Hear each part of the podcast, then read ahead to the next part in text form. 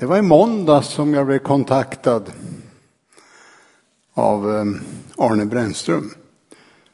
Han berättade att det hade uppstått problem och han frågade om jag kan du tänka dig att predika på söndag förmiddag. Det märkliga var att alldeles innan, någon timme innan, så var jag inne i rummet där jag har min dator och har lite andra småplock. Och hitta en skiss på en predikan som jag hade väl funderat på att jag skulle ha. Och så tänkte jag när jag var där, om jag får tillfälle någon gång, då ska jag ta det här. Och så ringer Arne Brännström. Och jag mitt dumma nöt, jag sa visst det går bra. Jag brukar alltid ångra mig efteråt.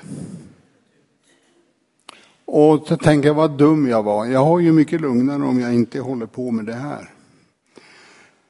Sen gick det till på tisdag. Jo, det jag gjorde, det jag frågade Arne, jag sa till Arne så här, eh, vad, är, vad är det för sång på förmiddagen? För det är väldigt viktigt det där med sång. Det ska stämma och det ska finnas en samordning så att det, det stämmer. För annars är det rena rappakaljan alltihop.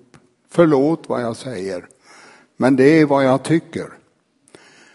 Vad är det för sång, sa han, sa jag till honom. Jo, Peter Enoksson. Det blir nog bra, sa jag. Okej. Okay.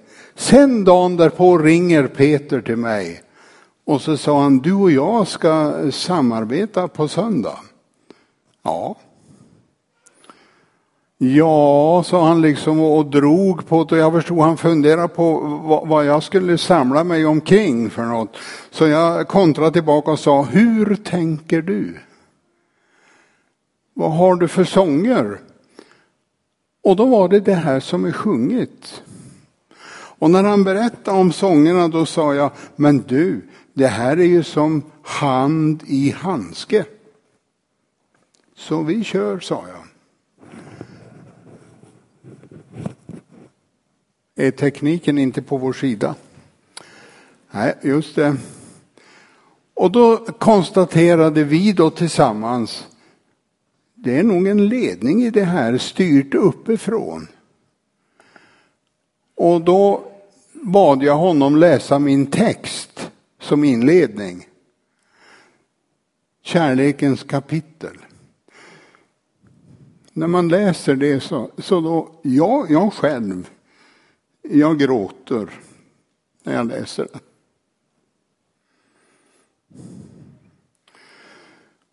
Det ingår i kapitlet, alltså i boken Första Korinthierbrevet. Första korinthierbrevet är egentligen ett resultat av en frågelista som korinter hade ställt till Paulus och frågade honom om olika saker. Och därför behandlar han både, både det här fenomenet om favoritpredikanter. Jag håller mig till Paulus. Nej, jag håller mig till Apollos. Nej, jag håller mig. Då var det någon som var ännu mer överandlig och sa jag håller mig till Jesus. Och det här skriver han om. Och sen skriver han om äktenskap och, och, och etik och moral. Och så skriver han om församlingen. Och det var frågor man hade ställt omkring det här. Och så skriver han om andens gåvor. Och sen så kommer det här med kärlekens kapitel. Och det är ingången till det. Det är mitt tema idag. Och då ska jag visa er en väg som är överlägsen alla andra kärlekens väg. Det finns ingenting som är så effektivt som kärlekens språk. Jag kanske skulle säga det att temat för idag och för förra veckan, eller under veckan som har varit, är ju Jesus seger. Och det här det ingår i Jesus seger kärleken.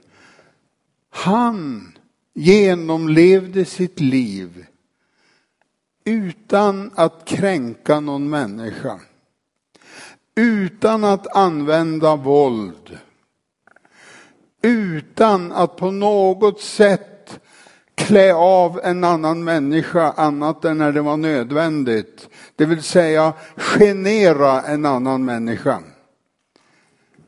Han behandlade alla med kärlek. Du vet att kärlek, det har en, kärleken den har en överlägsen förmåga i förhållande till vårt tal. Till exempel.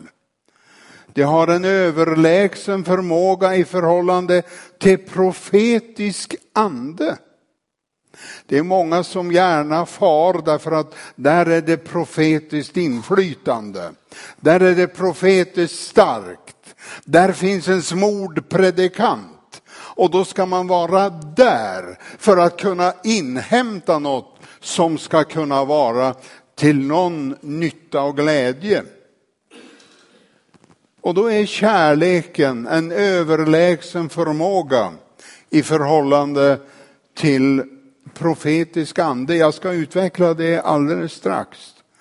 Och den, den tredje tanken jag har omkring det här med kärlekens överlägsna förmåga, det är i förhållande till kunskapen. Vi tror oss veta, tror oss kunna. Men egentligen är allt begränsat. Det lästes ju i ordet. Om jag talar både människors och änglars språk, det är ju mäktigt. Men saknar kärlek är jag bara en ekande brons.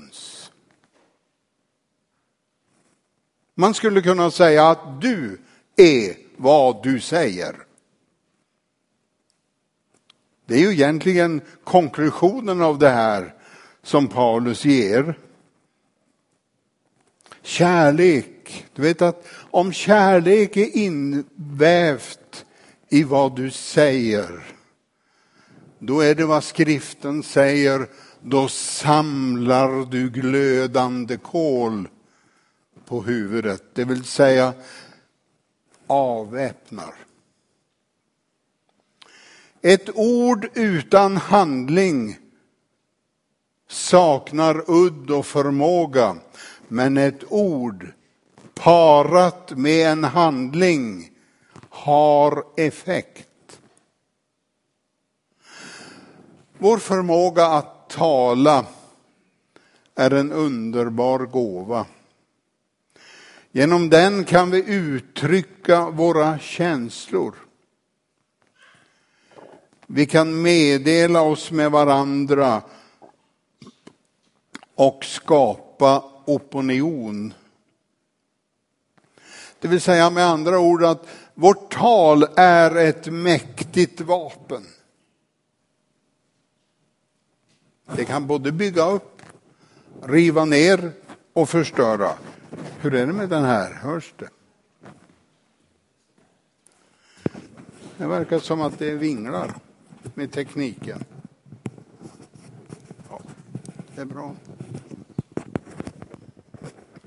Du vet att vårt tal, en mäktig, ett mäktigt vapen, kan ge upphov till att sprida ett förtal eller ett rykte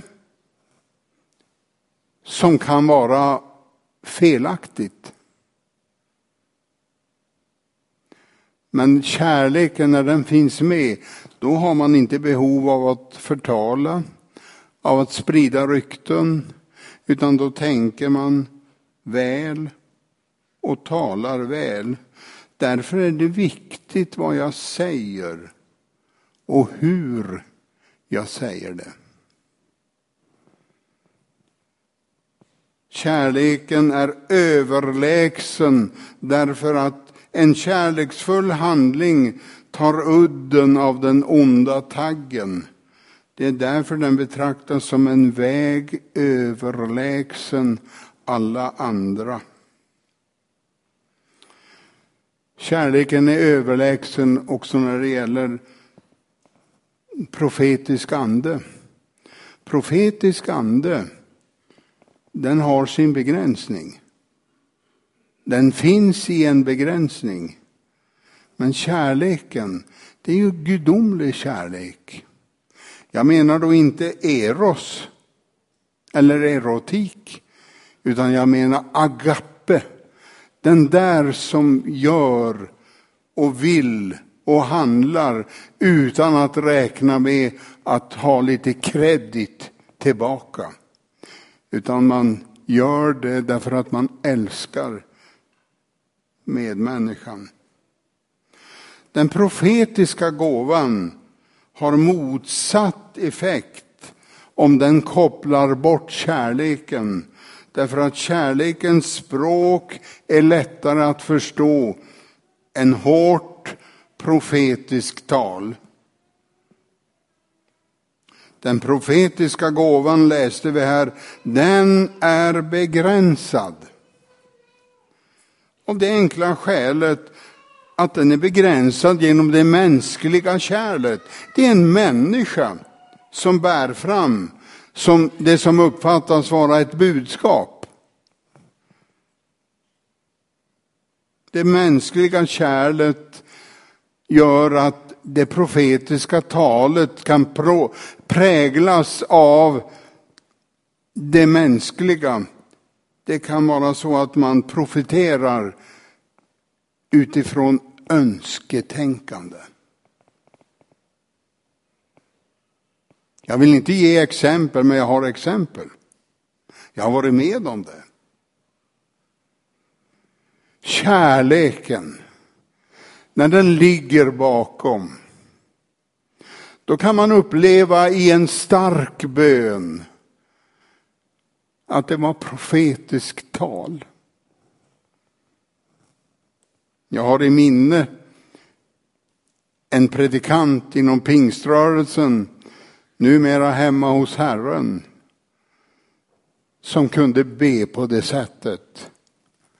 Han hette Göte Klintenberg. Och jag vet en gång i Philadelphia kyrkan i Stockholm, då Guds ande kom över honom och han flög upp stående på första läktaren i Philadelphia och hela kyrksalen vibrerade. Därför att det var ett tal och en bön som inte han egentligen hade vetskap om var profetisk, men det var det som hände. Jag hade en oerhörd respekt för detta. Du vet, det är viktigt att ingivelsen kommer ovanifrån och inte härifrån. Jag själv. Kärleken är överlägsen allting annat. Jag vill visa er en väg som är överlägsen alla andra. Kärlekens väg. Det var den Jesus vandrade. Den är överlägsen i förhållande till kunskapen. Ty vår kunskap är begränsad. Och den profetiska gåvan är begränsad. Men när det fullkomliga kommer skall det begränsade förgå. Kunskapen är begränsad därför att den är beroende av det mänskliga redskapet. Jag upphör aldrig och kommer aldrig att göra det heller så länge jag lever, att fascineras över de gamla predikanterna som jag hade förmånen att träffa.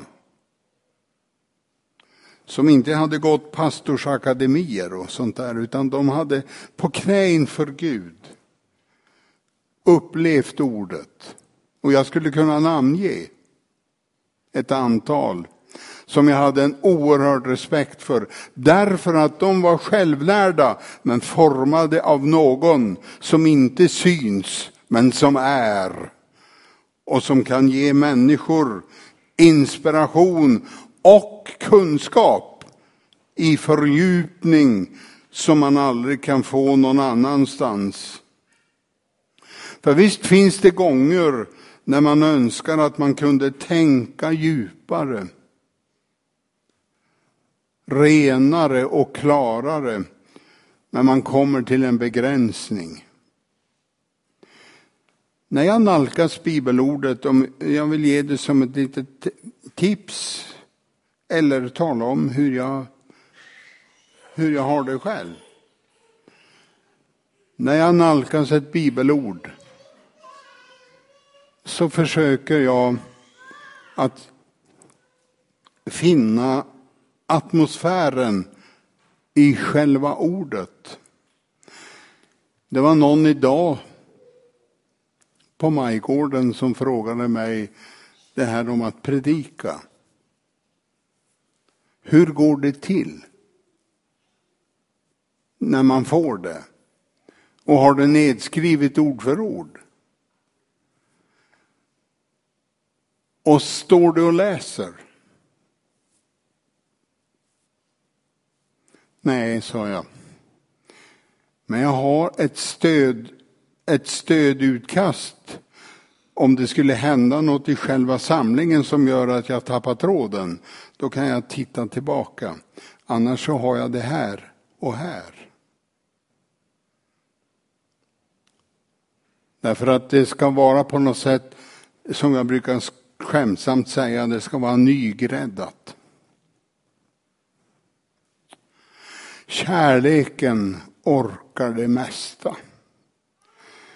Det tycker jag är den mäktigaste punkten jag har. Den orkar det mesta. Den gör underverk mer än ord. Ganska snart lärde jag mig som oerfaren predikant när man hamnade i lägen där man skulle vara med på något sätt och, och ge tröst. Jag har ett alldeles särskilt minne som jag ibland kommer till. Som familj bodde vi i Avesta. Det fanns unga grabbar där som var härliga pojkar. Plötsligt en dag får jag telefon som berättade att Henrik har omkommit i en mopedolycka. Och jag hade ju pratat med Henrik för några dagar sedan. Och då gick jag hem till mamma och pappa. Där var systrarna. Och när jag gick dit så tänkte jag, vad säger jag? Ja, vad säger jag? Jag valde att ingenting säga. Jag bara satt där. Med dem och grät. 16-åringen, han var död. Då lärde jag mig att för sen tackade de mig för detta så många gånger. Och då förstod jag att det bästa, det är att delta och vara närvarande. Det är inte orden. Orden som är det viktiga, utan det är annat som gäller. Och det här det är obetalbart. Och det kostar så lite. Och dessutom är det läkande. Det gör underverk. Kärlek gör underverk. Mer än ord. Det lästes här om, om, eh, om jag delar ut allt jag äger och om jag låter bränna mig på bål men saknar kärlek har jag ingenting vunnit. Kärleken är för mer än givmildhet. Givmildheten, den har en koppling till ett motiv. Varför ger jag? Varför gör jag det här? Jag gör det väl inte för att jag ska få lite kredit tillbaka. Det är för att jag har nytta av det om jag gör så här. Personlig vinning. Utan det viktiga är att ge utan att räkna med att få tillbaka. Men jag ger. Kärleken, den äkta kärleken, den är beredd att i princip offra allt och ge allt. Och till slut, eller till sist, den uthärdar det mesta, kärleken. Den står ut med det mesta. Den tror allt, den hoppas allt, den uthärdar allt. Låt mig sluta med att säga att kärleken består trots allt. Det är det eh, aposteln skriver om att, men nu består tron, hoppet och kärleken, dessa tre, men störst är kärleken.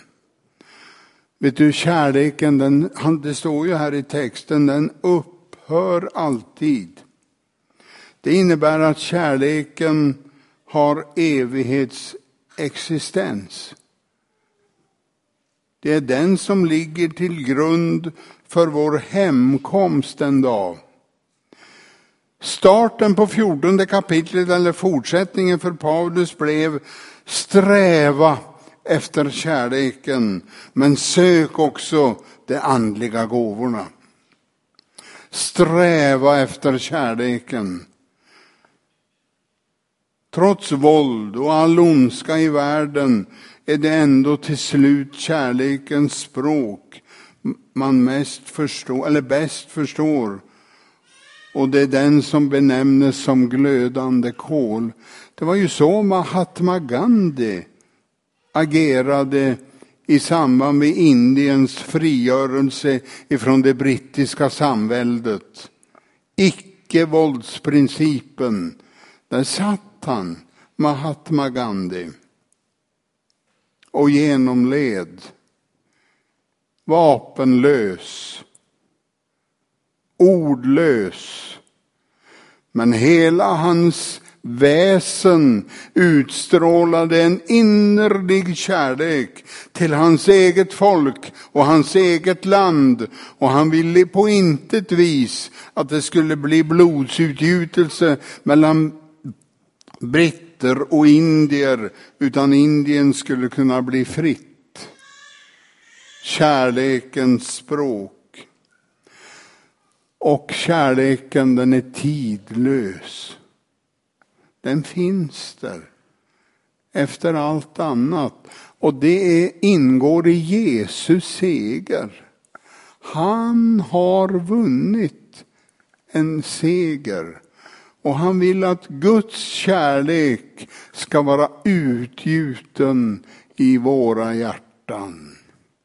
När jag har tänkt på det här och förberett mig inför det här så har jag i tårar talat med Gud om, må det vara så att det är kärleken som är drivkraften, motivet och har varit det för mig under livets gång.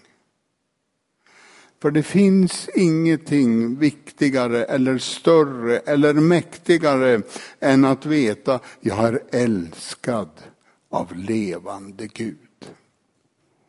Han bryr sig om mig. Kära vänner, nu ber vi tillsammans.